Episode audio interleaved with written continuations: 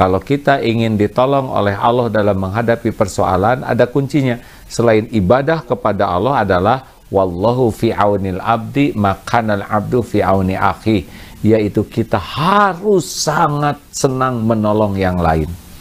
Makin kita sering menolong, makin ditolong. Jangan lupa ya, ibadah kepada Allah itu bagus, memang harus. Tetapi ibadah menolong orang lain itu membuat kualitas seseorang jauh lebih layak ditolong Allah.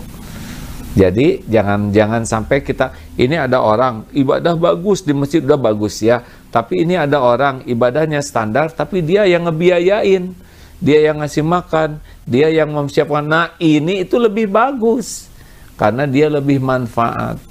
Ini juga bagus karena doanya bisa memudahkan urusan orang. Tetapi khairun nas anfa'uhum linnas. Sebaik-baik manusia itu manusia yang paling banyak membawa manfaat. Dan kalau kita ingin ditolong menghadapi persoalan, kata kuncinya adalah selain ibadah yang bagus, adalah banyak menolong makhluk-makhluk Allah lainnya. Percayalah hadirin, mungkin bangsa kita ini selain protokol kesehatan harus ada juga protokol kedermawanan kalau kita ingin menolak bencana wabah ini, kita wah makin banyak nolong orang tanpa pamrih, semakin banyak kita ditolong.